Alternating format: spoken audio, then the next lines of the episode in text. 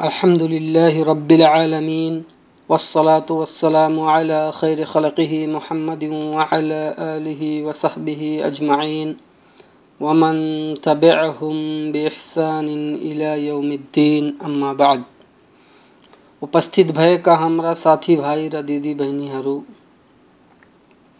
म आजको यस शुभ अवसरमा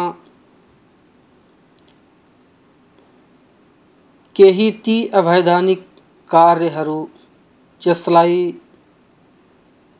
अधिकांश मानिसहरू गर्हडीय ठानेका छन्। यस विषयलाई निरन्तरता दिँदै केही ती कार्यहरूको वर्णन गर्नेछु, जसलाई वास्तवमा हाम्रो समाजमा र विशेष रूपले हाम्रो मुस्लिम समुदायमा केही वास्ता गरिन्न। र त्यसलाई, त्यस्तै बिना कुनै जाँच पडताल गरी गरिन्छ। मैले यसभन्दा पहिलाको बैठकमा, यसको बारेमा विभिन्न प्रकारका कुराहरू र टिप्पणी र त्यसका उत्तरहरू, र प्रतिउत्तरहरूलाई प्रस्तुत गरेको थिएँ। अब म यस विषयलाई निरन्तरता दिँदै त्यो प्रथम अवैधानिक कार्यलाई प्रस्तुत गर्न चाहन्छु। जसलाई हाम्रो मुस्लिम समाजमा नजानेर अनभिज्ञताको कारण वा आफ्ना बाबु बाजेलाई त्यसै कार्यलाई गर्दा हेरेर हामी पनि गरिहाल्छौँ त त्यसमध्ये सर्वप्रथम र प्रमुख कुरो हो, बहुदेववाद। अल्लाह अल्लाहको साथमा कसै अरूलाई सहभागी ठहराउनु, सहभागी बनाउनु। त बहुदेववाद, शिर्क यो हराम कार्यहरूमध्ये सबैभन्दा ठुलो निषेधित कार्य हो।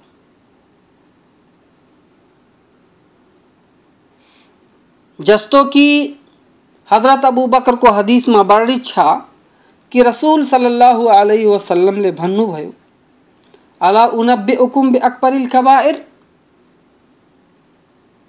सलास मर्रात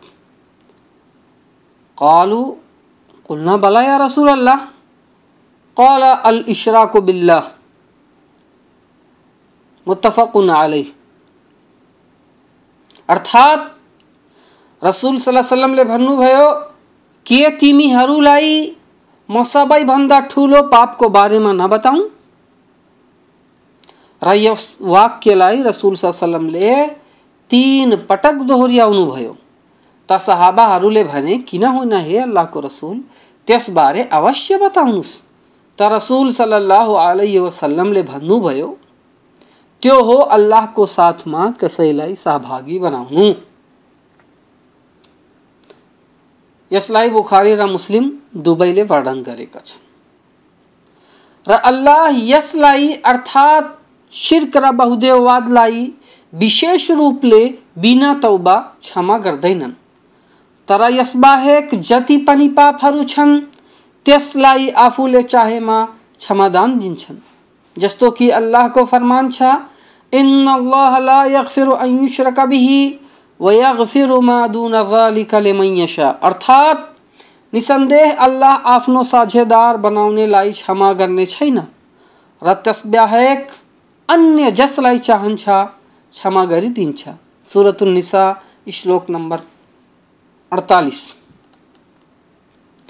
र शिर्क बहुदेववाद यस्तो पनि हुन्छ जुन मान्छेलाई धर्मबाट निष्कासित गरिदिन्छ यदि शिर्क गर्दा गर्दै कसैको मृत्यु भयो, त त्यो मान्छे सदैवको लागि नर्कमा जानेछ। मुस्लिम समाजमा फैलिएको बहुदेववादको चित्रण। चिहानको पूजा गर्नु र यो आस्था राख्नु कि चिहानमा पुरिएका मृतक वलिहरू आवश्यकताहरूलाई पूर्ण गर्छन् र याचनालाई स्वीकार गर्छन् र कष्टलाई हटाउँछन्। र उनीहरूसित सहायता र मद्दतको गुहार गर्नु जबकि अल्लाहको फरमान छ। वक़ज़ा रब्बुका अल्ला तअबुदु इल्ला इय्याह वबिलवालिदैन इहसाना, इम्मा यबलुगन्ना इंदकल किबर अहदुहुमा औ किलाहुमा, फला तकुल लहुमा उफ्फिन वला तनहरहुमा, वकुल लहुमा कौलन करीमा। अर्थात र तिम्रो पालनकर्ताले स्पष्ट आदेश गरेको छ कि ऊ बाहेक तिमी कसैको पूजा नगर र आमा बाबुको साथमा नम्र व्यवहार गर्दै गर। यदि तिनीहरूमध्ये एउटा वा दुवै तिम्रो अगाडि वृद्ध अवस्थामा पुग्छन् भने तिनीहरूलाई तिरस्कृत नगर्नु तिनीहरूलाई नहप्काउनु, अपितु तिनीहरूसँग सम्मानपूर्वक मर्यादित ढङ्गले कुराकानी गर्नु। सुरतुल इसरा, श्लोक नम्बर तेइस। र मृतक सन्देष्टा अथवा वली वा अरू कसैलाई गुहार्नु, र उनीलाई सिफारिसी मध्यस्थ बनाउनु वा कष्ट हटाउनुको लागि पुकार्नु पनि शिर्क हो, अर्थात् बहुदेववाद हो। अल्लाहले कुरानमा भन्नुभएको छ, जसको अर्थ हो, कसले व्यग्रको गुहार सुन्दछ जब त्यसले उसलाई गुहार्दछ। र व्यथा हटाइदिन्छ र तिमीलाई धरतीमा शासक बनाउँदछ के अल्लाहको साथमा अरू कोही पूजनीय छ? होइन तिमीहरूले धेरै कम।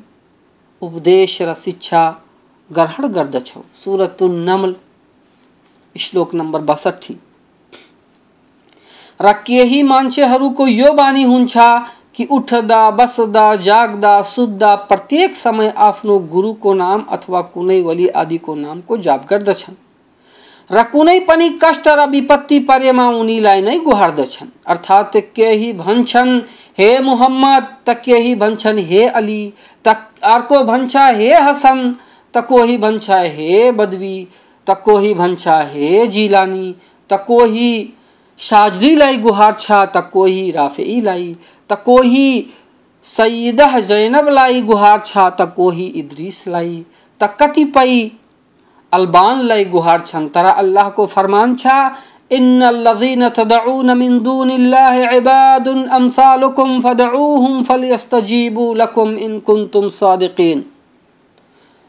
वास्तवमा तिमीले अल्लाहलाई छाडी जस जसलाई पुकार्दछौ तिनीहरू तिमी जस्तै उपासक हुन् तसर्थ तिमी साँचो हो भने तिमीले तिनीहरूलाई पुकार ताकि तिनीहरूले तिमीलाई, तिमीले चाहेको कुरा पुरा गरिदिउन्। सुरतुल आराफ श्लोक नम्बर एक सौ चौरानब्बे। र केही चिहानका पुजारीहरू चिहानको परिक्रमा पनि गर्छन् र त्यसलाई श्रद्धाले स्पर्श पनि गर्दछन्, चुम्दछन् र के के गर्छन्। र त्यस चिहानको माटोलाई अनुहारमा मल्दछन् र त्यस चिहानलाई ढोक पनि गर्छन्। र त्यस चिहान निकट तर्सित भएर त्यसलाई नतमस्तक भएर पूजा पनि गर्दछन्। र त्यससित आफ्नो आवश्यकता पूर्तिको याचना गर्छन्, र रोगीको रोगलाई निको पार्ने आग्रह गर्छन्, वा सन्तान माग्दछन्, वा त्यससित कष्ट हटाउने पुकार गर्दछन्। र कतिपय त चिहानमा माटोले पुरिएको मानिसलाई पुकार्दै भन्छन्, हे हाम्रो स्वामी, हामी कति टाढाबाट तिम्रो पासमा आएका छौँ? मलाई खाली हात नफर्काउनु होला, तर अल्लाहको फरमान छ। वमन अदल्लु मिम्मन यदउ मिन दुनिल्लाहि मन ला यस्तजीबु लहु मन ला यस्तजीबु लहु यौमल क़ियामति वहुम अन दुआइहिम गाफिलून। अर्थात त्यस व्यक्तिभन्दा बढी पथभ्रष्ट को होला जसले अल्लाहलाई छाडी यस्तोलाई पुकार्दछ जसले कयामतको दिनसम्म उनीहरूको प्रार्थनालाई स्वीकार गर्न सक्दैन? बरु त्यो उनीहरूको पुकारबाट एकदम अनभिज्ञ छ। सुरतुल अहकाफ श्लोक नंबर पाँच।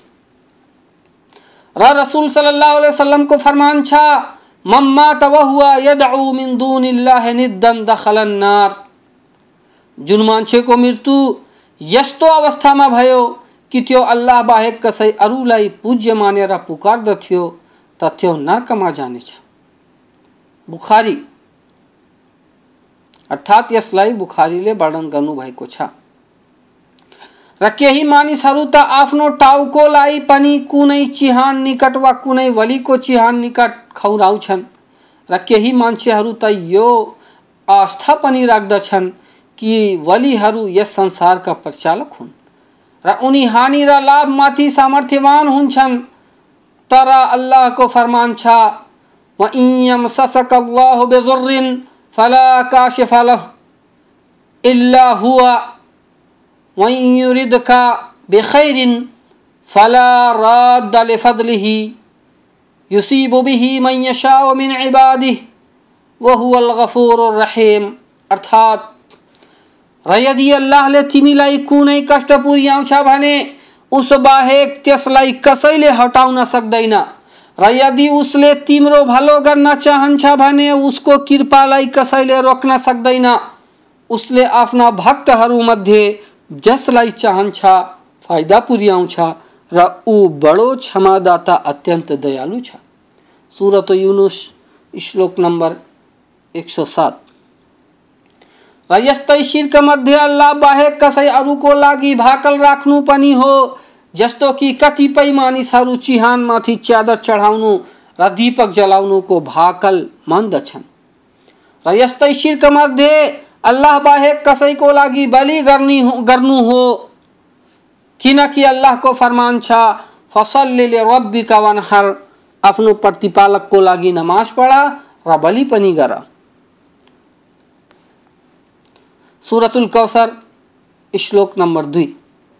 अर्थात् मात्र अल्लाहको लागि र त्यसको नाम पुकारेर बलि गर र नबी सल्लल्लाहु अलैहि वसल्लमको फरमान छ लअनल्लाहु मन ज़बह त्यसमाथि अल्लाहको धिक्कार छ, जसले अल्लाह बाहेक कसै अरूको लागि बलि गर्यो। यसलाई इमाम मुस्लिमले हदिस नम्बर एक हज़ार नौ सौ सतासीमा वर्णन गर्नुभएको छ। र कहिलेकाहीँ बलि गर्ने कार्यमा दुई अवैधानिक कार्य सम्मिलित भइहाल्छन्। जसरी अल्लाह बाहेकको लागि बलि गर्नु र अल्लाह बाहेकको नाम लिएर बलि गर्नु।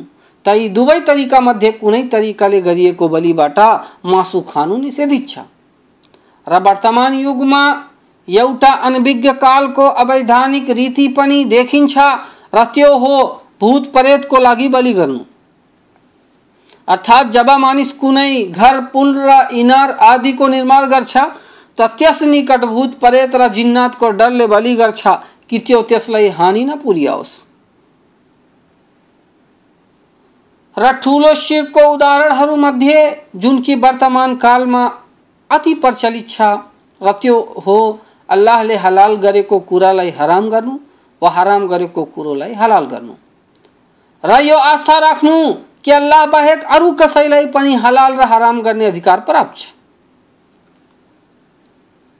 र शिर्के अकबर, ठुलो बहुदेवान मध्ये यो पनि हो। कि अनभिक कालका नियम र कानुन बमोजिम निर्णय र फैसला गरियोस् र यो आस्था राख्नु पनि कि यस्तो गर्नु जायज़ छ। र अल्लाहले ठुलो नास्तिकतालाई यसरी वर्णन गरेका छ। अहबारहुम व रहबानहुम अरबाबम मिन दूनिल्लाह वल मसीह इब्न मरियम वमा उमिरु इलाहम वाहिदन ला हुवा सुब्हानहु अम्मा युश्रिकून अर्थात् यिनीहरूले अल्लाहलाई छाडी आफ्ना पाद्री र सन्तहरू र मरियमको छोरा मसीहलाई आफ्नो पालनहार बनाए। जबकि यिनीहरूलाई मात्र एक एक्लै अल्लाहकै उपासनाको आदेश दिइएको थियो जसबाहेक कोही सत्य पूजनीय छैन। ऊ यसको साझेदार ठहराउने कार्यबाट मुक्त छ। सुरत श्लोक नम्बर एकतिस। र जब यस यस श्लोकको पाठन रसुल सल्लल्लाहु अलैहि वसल्लमको साथी आदि बिन हातिमले सुने त उनको भनाइ छ कि मैले भने उनीहरू अर्थात् किताबवालाहरू तिनीहरूलाई अर्थात् आफ्ना धर्म गुरुहरूलाई पुज्दैनथे त रसुल सल्लाह वसलमले भन्नुभयो, अजल हाँ हो। वलाकिन युहल्लून लहुम मा हर्रम अल्लाह फयस्तहिल्लूनहु वयुहर्रिमून अलैहिम मा हल्लल्लाह फयुहर्रिमूनहु फतिल्क इबादतुहुम लहुम अर्थात् हो तिमीले सत्य भन्यौ तर उनीहरूका विद्धहरू उनीहरूको लागि अल्लाहले हराम गरेका कुराहरूलाई हलाल गर्थे अनि उनीहरू तिनलाई हलाल गरेको कुरालाई ग्राह्य गरिहाल्थे र जब उनीहरू अर्थात् उनका विद्धहरू गरेको कुरालाई हराम गर्थे, त त्यसलाई उनीहरू पनि आफूमाथि हराम गरिहाल्थे। त यस्तो गर्नु नै उनीहरूको पूजा गर्नु हो। ये यस हदिसलाई बैहकीले सुननुल कुबराको खण्ड दस, पेज एक सौ सोह्रमा वर्णन गर्नुभएको छ। र अल्लाहले बहुदेववादी र शिर्क गर्नेहरूको विशेषता यसरी वर्णन गरेको छ।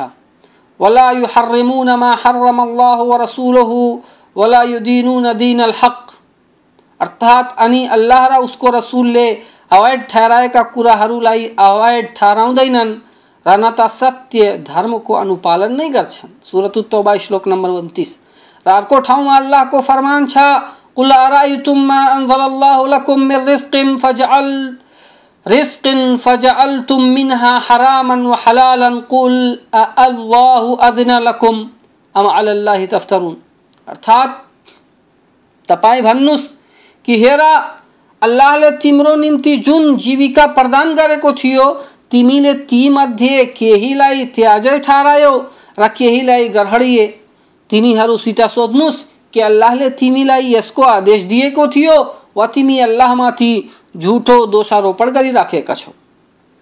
सुरत युनुस, श्लोक नम्बर उनासाठी र शिरका थरीहरूमध्ये वर्तमानमा प्रचलित जादु पाखण्ड र ज्योतिषीय गतिविधिहरू पनि हुन्। तर कुरो जादुको त यो नास्तिकता हो। र ती सातवटा ठुलो पापहरूमध्ये एक हो, जुन विनाशकारी हुन्छन् र यो न त लाभ पुर्याउन सक्छ, न त हानि। र त्यसको तालिम लिनेहरूको बारेमा अल्लाहको फरमान छ, वयतअल्लमुन मा यदुर्रुहुम वला यन्फअहुम। र यिनीहरूले यस्ता मन्त्र सिक्दछन्, जसले तिनलाई हानि पुर्याओस् र लाभ पुर्याउन नसकोस् सुरतुल बकरा श्लोक नम्बर एक सौ दू। र अर्को ठाउँमा अल्लाहको फरमान छ अता र जादुगरहरू जहाँबाट जहाँबाट पनि आउनेछन् सफल हुने छैनन्। सुरतुल बकरा श्लोक नम्बर उनाहत्तर र जुन मान्छे जादुगरको कुरालाई सत्य मानी त्यसको अनुसरण गर्छ, त्यो मान्छे काफिर भयो। अल्लाहले कुरानमा भन्नुभएको छ, जसको अर्थ हो र त्यस चिजको पछि लागे, जसलाई सुलेमानको राज्यकालमा शैतानहरूले पढ्ने गर्दथे। तर सुलेमानले बिल्कुलै कुफ्र गरेनन्, बरु शैतानहरूले नै कुफ्र गर्दथे। तिनीहरूले मानिसहरूलाई जादु सिकाउँदथे, जुन बाबुल सहरमा दुईजना फरिस्ता हारुत र मारुतमाथि उत्रेको थियो ती दुवैले पनि कसैलाई तबसम्म केही सिकाउन्नथे जबसम्म यो भन्दैनथे कि हामी त एउटा परीक्षणमा छौँ, तिमी कुफ्रमा नलाग सुरतुल बकरा, श्लोक नम्बर एक सौ दुई।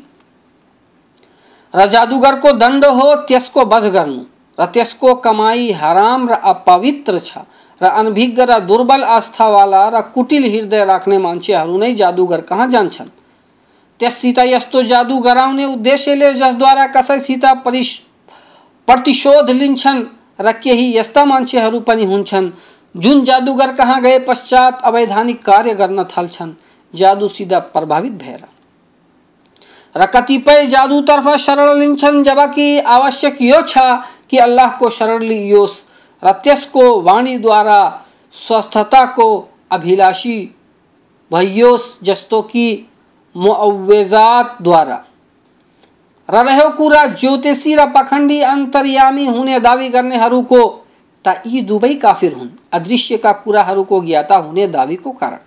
किनकि अदृश्य र लुकेको कुरोको ज्ञान अल्लाह बाहेक कसैलाई छैन। र यस्ता खालका मानिसहरू यसलाई धन एकत्रित गर्ने माध्यम बनाएर सर्वसाधारणलाई धोका दिन्छन्। र उनीहरूलाई ठग्दछन् र यसलाई विभिन्न तरिकाले कार्यान्वयनमा ल्याउँछन्।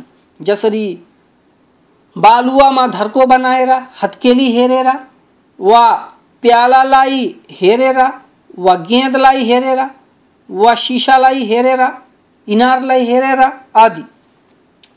र यिनीहरूले यदि संयोगले एक पटक सत्य बोल्दछन् त निन्यानब्बे पटक झुट बोल्दछन्। तर अचेतहरू मात्र त्यसै एक कुरालाई याद राख्दछन्, जुन त्यस झुट्ठाले सत्य भनेको थियो अनि त्यसको पासमा गएर आफ्नो भविष्यको बारेमा जानकारी प्राप्त गर्न खोज्दछन् र आफ्नो दुःख र खुसीको बारेमा ज्ञान प्राप्त गर्न खोज्दछन् र व्यापार व्यवसाय र विवाहको शुभ अशुभ हुने बारे सोध्दछन् र यस जस्ता अरू आवश्यकता र समस्याहरूमा उनीहरू समक्ष गई उनीहरूले भनेका कुराहरूमा विश्वास गर्दछन् त यस्ता खालका मानिसहरूको हुकुम यो हो जुन मान्छेहरू यस्ता खालका मानिसहरूको पासमा गएर त्यसले भनेको कुरोलाई सत्य मान्छ भने यस्ता खालका मान्छेहरू काफिर भइहाल्छन्। र यसको प्रमाण रसूल सल्लल्लाहु अलैहि वसल्लम को यो कथन हो, मन अता काहिनन औ अर्राफन फसद्दकहु बिमा यक़ूल फकद कफर बिमा अनजला बिमा उनजिला अला मुहम्मद। जुन व्यक्ति ज्योतिषी व पाखंडी को पास में गयो र त्यसले भनेको कुरोलाई सत्य ठान्यो त त्यसले मुहम्मदमाथि अवतरित गरिएको कुराको इन्कार गर्यो। अर्थात् त्यो काफिर भयो। यस हदिसलाई इमाम अहमदले खण्ड दुई र पेज चार सौ उन्तिसमा वर्णन गर्नुभएको छ। तर यदि जुन मान्छे त्यस अन्तर्यामी हुने मान्छेको पासमा गएको छ र त्यसको अदृश्यको ज्ञानी हुने कुरोको दावीलाई सत्य मान्दैन बरु मात्र त्यसको परीक्षण गर्ने उद्देश्यले गएको थियो भने यस्तो मान्छे काफिर त हुँदैन बरु त्यसको चालिस दिनको नमाज़ कबुल हुँदैन यसको प्रमाण हो रसुल सल्लमको यो कथन, मन अता अर्राफन फसालहु अन शैइन लम तुकबल लहु सलात अरबईन लैला। सही मुस्लिम। जुन व्यक्ति ज्योतिषीको पासमा आयो र त्यससित कुनै कुराबारे प्रश्न गर्यो, त त्यसको चालिस रात्रिको नमाज़ स्वीकार्य हुँदैन। सही मुस्लिम खण्ड चार, हदिस एक हज़ार सात सौ इक्यावन। र यसको साथै त्यसमाथि ती, चालिस दिनमा नमाज़ पढ्नु अनिवार्य नै रहन्छ र त्यसमाथि तौबा र प्रयाश्चित गर्नु पनि अनिवार्य नै हुन्छ र यस्तै यो सिद्धान्त र आस्था राख्नु कि घटनाहरू घटित हुनुमा र समय चक्र यो मानिसहरूको जीवन चक्रमाथि नक्षत्र र ग्रहहरूको कुनै प्रकारको प्रभाव हुन्छ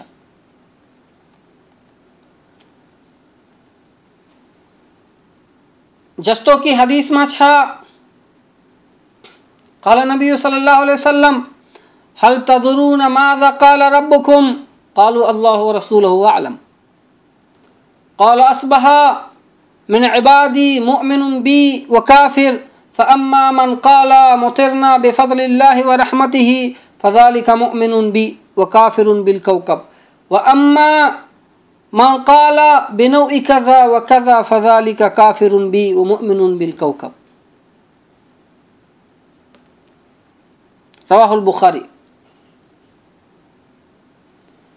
अल्लाहको रसुलले भन्नुभयो जैद बिन खालिद अल जुहनीको वर्णन छ कि हुदैबिया, एउटा स्थानको नाममा रसुल सल्लाह वसल्लमले हामीहरूलाई त्यस रात्रि पश्चातको फजरको नमाज़ पढाउनु भयो, जस रात्रिमा वर्षा भएको थियो। त जब उहाँ सल्लाह वसल्लमले नमाज़ सम्पन्न गरे, त सबैसम्म छाएर भने, के तिमीहरूलाई छ कि तिम्रो प्रतिपालकले के भने? त सबैले भने कि अल्लाह र अल्लाहका रसुल अधिक ज्ञानी छ। त उहाँले भन्नुभयो, कि अल्लाहले भन्यो, मेरा भक्तहरूमध्ये केही काफिर भए र केही आस्थावान भए के केही आस्थावान र काफिर भएर बिहान गरे त जसले यो भन्यो कि अल्लाहको दया र कृपाले वर्षा भएको छ, त त्यसको ममाथि आस्था छ, र त्यसले नक्षत्रको प्रभावको इन्कार गर्यो र जसले यो भन्यो कि नक्षत्रको प्रभावले गर्दा यो वर्षा भएको छ, त त्यसले मेरो इन्कार गर्यो र नक्षत्रमाथि आस्था राख्यो। यसलाई बुखारीले वर्णन गर्नुभएको छ। हेर्नुहोस् फतहुल बारी, खण्ड दुई, पेज तिन सौ तैँतिस।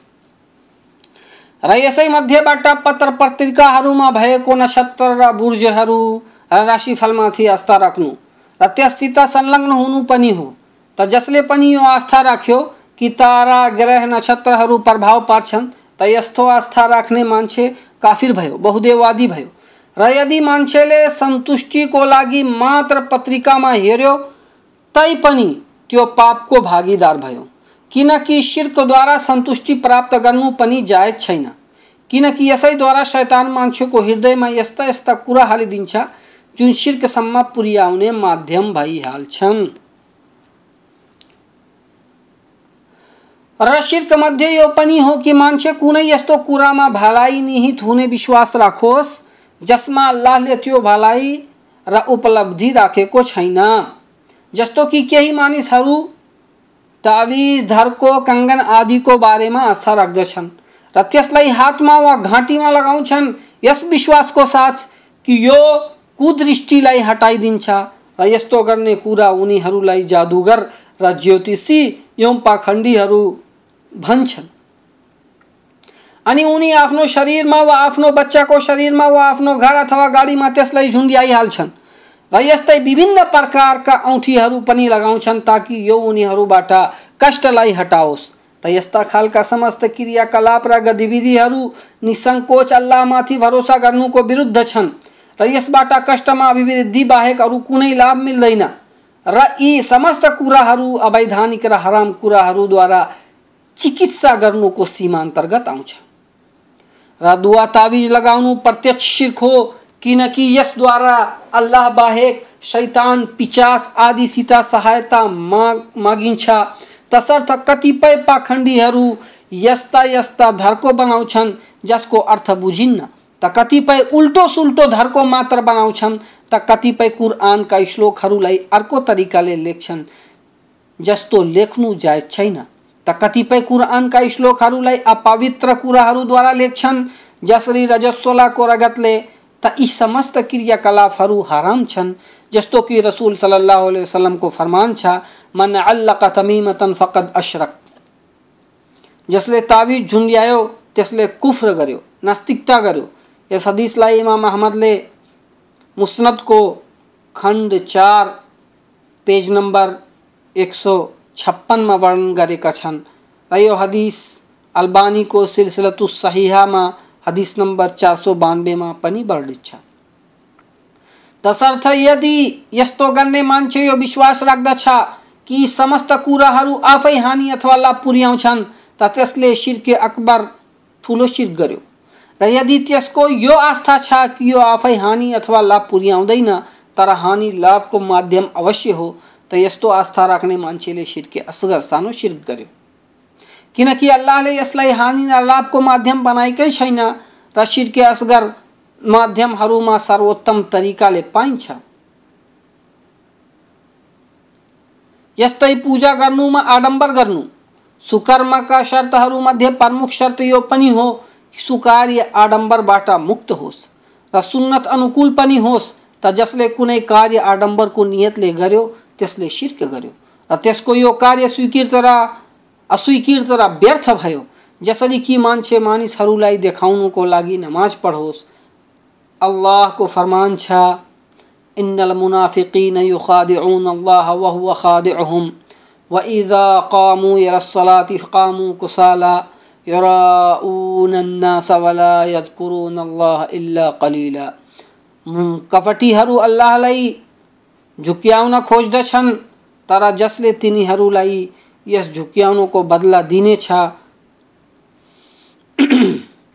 तर उसले तिनीहरूलाई यस झुक्याउनुको बदला दिनेछ र जब नमाज़ पढ्न उभिन्छन् त्यतिखेर अल्छी भई उभिन्छन् अरूलाई देखाउनको लागि मात्र गर्दछन् र अल्लाहलाई नाम मात्रका लागि स्मरण गर्दछन्। सुरतुन निसा श्लोक नम्बर एक सौ बयालिस। यस्तै जसले कुनै पनि सुकार्य यस कारण गरोस् कि त्यो प्रसिद्ध भएर ख्याति प्राप्त गरोस् र त्यसको सुचर्चा मानिसहरू बिच होस् त यस्तो मान्छेले पनि शिर्क गर्यो। र यस्तो गर्ने मान्छेको लागि दुःखद यातनाको चेतावनी हदिसहरूमा आएको छ जस्तो कि इब्ने अब्बासले वर्णन गरेको हदिसमा छ जसले आडम्बर गर्यो त्यसलाई अल्लाह देखाइदिन्छ र जसले चर्चित हुने उद्देश्यले कार्य गर्यो त्यसलाई अल्लाह चर्चित गरिदिन्छ। यसलाई मुस्लिमले वर्णन गर्नुभएको छ। र जसले कुनै स्वीकार्य अल्लाहको निकटता र प्रसन्नता पाउने उद्देश्यको साथ साथै मान्छेहरूको निकटता वा उनीहरूको प्रशंसा पाउनुको लागि वा उनीहरूलाई देखाउनको लागि गर्यो भने त्यसको यो सुकार्य व्यर्थ भयो। जस्तो कि हदिसमा छ म सहभागी ठहराउनेहरूको सहभागिताबाट मुक्त छु। जसले कुनै कार्यमा पनि मेरो साथ कसैलाई सहभागी ठहरायो त म त्यसलाई र त्यसको सहभागिता युक्त कार्यलाई खेर फालिदिन्छु। यसलाई मुस्लिमले हदिस नम्बर दुई हजार नौ सौ पचासीमा वर्णन गर्नुभएको छ। र जसले आरम्भदेखि नै मात्र अल्लाहको लागि सुकार्य गर्नुको आरम्भ गर्यो तर पछि आएर त्यसमा आडम्बरको पनि मिश्रण गर्यो त यदि त्यस आडम्बरलाई अप्रिय ठानेर त्यसलाई आफ्नो हृदयबाट झिकेर फालिदिन्छ भने त्यसको त्यो सुकार्य दुरुस्त भयो। तर यदि त्यसलाई झिकेन बरु त्यस्तै राख्यो भने अधिकांश विद्धहरूको भनाइ अनुसार त्यसको यो कार्य नष्ट र व्यर्थ भयो यस्तै शिर्कहरूमध्ये अपशगुन लिनु पनि हो र अपशगुनको बारेमा नै अल्लाहको यो फरमान छ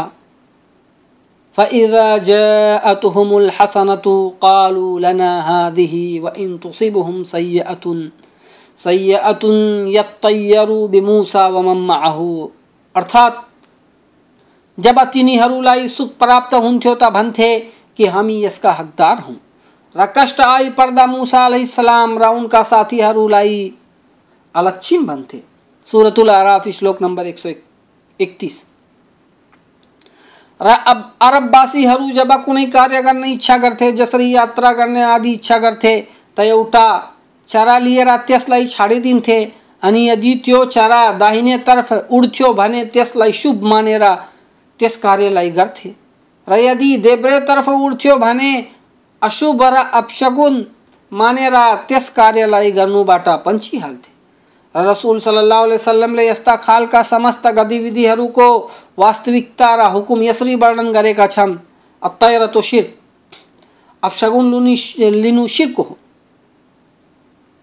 यसलाई इमाम अहमदले मुसनदको खंड एक, पेज तीन सौ उनानब्बेमा वर्णन गर्नुभएको छ। र यस कुकर्ममा यो धारणा पनि सम्मिलित जुन एकेश्वरवादको विरुद्ध पनि छ धारणा हो, केही मानिसहरूलाई अशुभ मान्नु, जसरी सफ़र महिनालाई अशुभ मानेर त्यसमा विवाह नगर्नु, वा धारणा राख्नु कि प्रत्येक सप्ताहको बुधबारको दिन अशगुन हुन्छ वा कुनै अङ्क जसरी तेह्रको अङ्कलाई अशुभ मान्नु वा कुनै नाम अथवा विशेषतालाई अपशकुन मान्नु जसरी कि कोही आफ्नो दोकान खोल्नुको लागि जाँदै थियो अनि बाटोमा कुनै अन्धोलाई वा कानालाई हेऱ्यो अनि त्यसलाई अपशगुन मानि त्यहीँबाट फर्केर घर आयो। त यो अपशगुन लिनु हो त यस्ता खालका समस्त क्रियाकलाप र गतिविधिहरू हराम र अवैध छन्। र यस्ता प्रकारका गतिविधिहरू गर्ने मानिसहरूबाट रसुल सल्लाह वसल्लमले निष्प्रहता जनाएका छन्। र इमान र इमरान बिन हुसैन रज़ी अल्लाह को वर्णन छ कि रसुल सल्लाह वसलमले भन्नुभयो हामी मध्येको त्यो हुनै सक्दैन, जुन अपशगुन मानोस् वा त्यसको लागि अपशगुन गरियोस्। वा ज्योतिषीय कार्य गरियोस् वा त्यसको लागि ज्योतिषीय गतिविधिहरू गरियोस् र साहबीको भनाइ छ कि मलाई लाग्दछ कि उहाँले यो पनि भन्नुभयो कि जुन जादु गरोस् वा त्यसको लागि जादु गरियोस्। यसलाई तबरानीले वर्णन गर्नुभएको छ। र हेर्नुहोस् अल्जाम सही, हदिस नम्बर पाँच हज़ार चार सौ पैँतिस। र जसले पनि यस प्रकारको कुनै पनि कार्य गरोस्, त त्यसको कफारा क्षतिपूर्ति त्यो कुरो हो, जसलाई अब्दुल्ला बिन उमरले निम्नको हदिसमा वर्णन गरेका छन्। उहाँको भनाइ छ कि रसुल सल्लाह वसलमले भन्नुभयो, जस व्यक्तिलाई अपशगुनले कुनै कार्य गर्नुबाट रोकिदियोस्, त त्यसले शिर गर्यो। त साहबाहरूले भने, हे अल्लाहको रसुल, यसको कफारा के हो? त उहाँ सल्लाह वसलमले भन्नुभयो, कि मान्छे यो भनोस् कि हे अल्लाह, तिम्रो भलाई बाहेक कतै भलाई छैन, र तिम्रो शकुन बाहेक कुनै शकुन छैन, र तिमी बाहेक कुनै पूजनीय छैन। यसलाई अहमदले वर्णन गर्नुभएको छ। र हेर्नुहोस् सिलसिलतु सही हलील अलबानी, हदीस नंबर एक हज़ार पैंसठ। र अपशगुन मान्छेको बानी बिहोराले गर्दा कसैमा कम त कसैमा अधिक हुन्छ। यसको सर्वोत्कृष्ट उपचार हो अल्लाह अल्लाहमाथि पूर्णतया भरोसा राख्नु। जस्तो कि इब्ने मसुदको कथन छ, हामी मध्ये यस्तो कोही पनि छैन, जसमा अलिकति पनि अपशगुन नहोस् तर यसलाई अल्लाहमाथि भरोसा गर्ने कर्मले नष्ट गरिदिन्छ। र यस जस्ता अरू अधिकांश शिरका कार्यहरू छन्, जसलाई म इन्सा अल्लाह अर्को बैठकमा तपाईँहरू समक्ष राख्नेछु मेरो अल्लाहसित बिन्ती छ कि अल्लाह हामी सबैलाई कुरान र हदिस बमोजिम जीवन व्यतीत गर्ने सुअवसर प्रदान गरून् र शिरका समस्त थरीहरूबाट र समस्त क्रियाकलापहरूबाट सुरक्षित राखुन्। र हामी मध्ये जुन बिरामी अल्लाह उनीहरूलाई स्वस्थ पारुन् र हामी मध्ये जुन हाम्रा दाजुभाइहरू निसन्तान छन्, अल्लाह उनीहरूलाई सन्तान दिउन् र उनीहरूलाई सिर्कीय माध्यमबाट बचाउन् र उनीहरूलाई यो असर प्रदान गरून् कि उनीहरू डाइरेक्ट प्रत्यक्ष अल्लाहसित सन्तानको लागि दुवा गरून् सन्तानको लागि याचना गरून् हे अल्लाह, हामी समस्त आस्थावानहरूलाई हामी समस्त मुसलमानहरूलाई सुमार्गमा लगाई, आफ्नो स्वर्गमा प्रवेश गर्ने सुअवसर प्रदान गर। वाखिर दावाना अनिल हमदुलिल्लाहि रब्बिल आलमीन।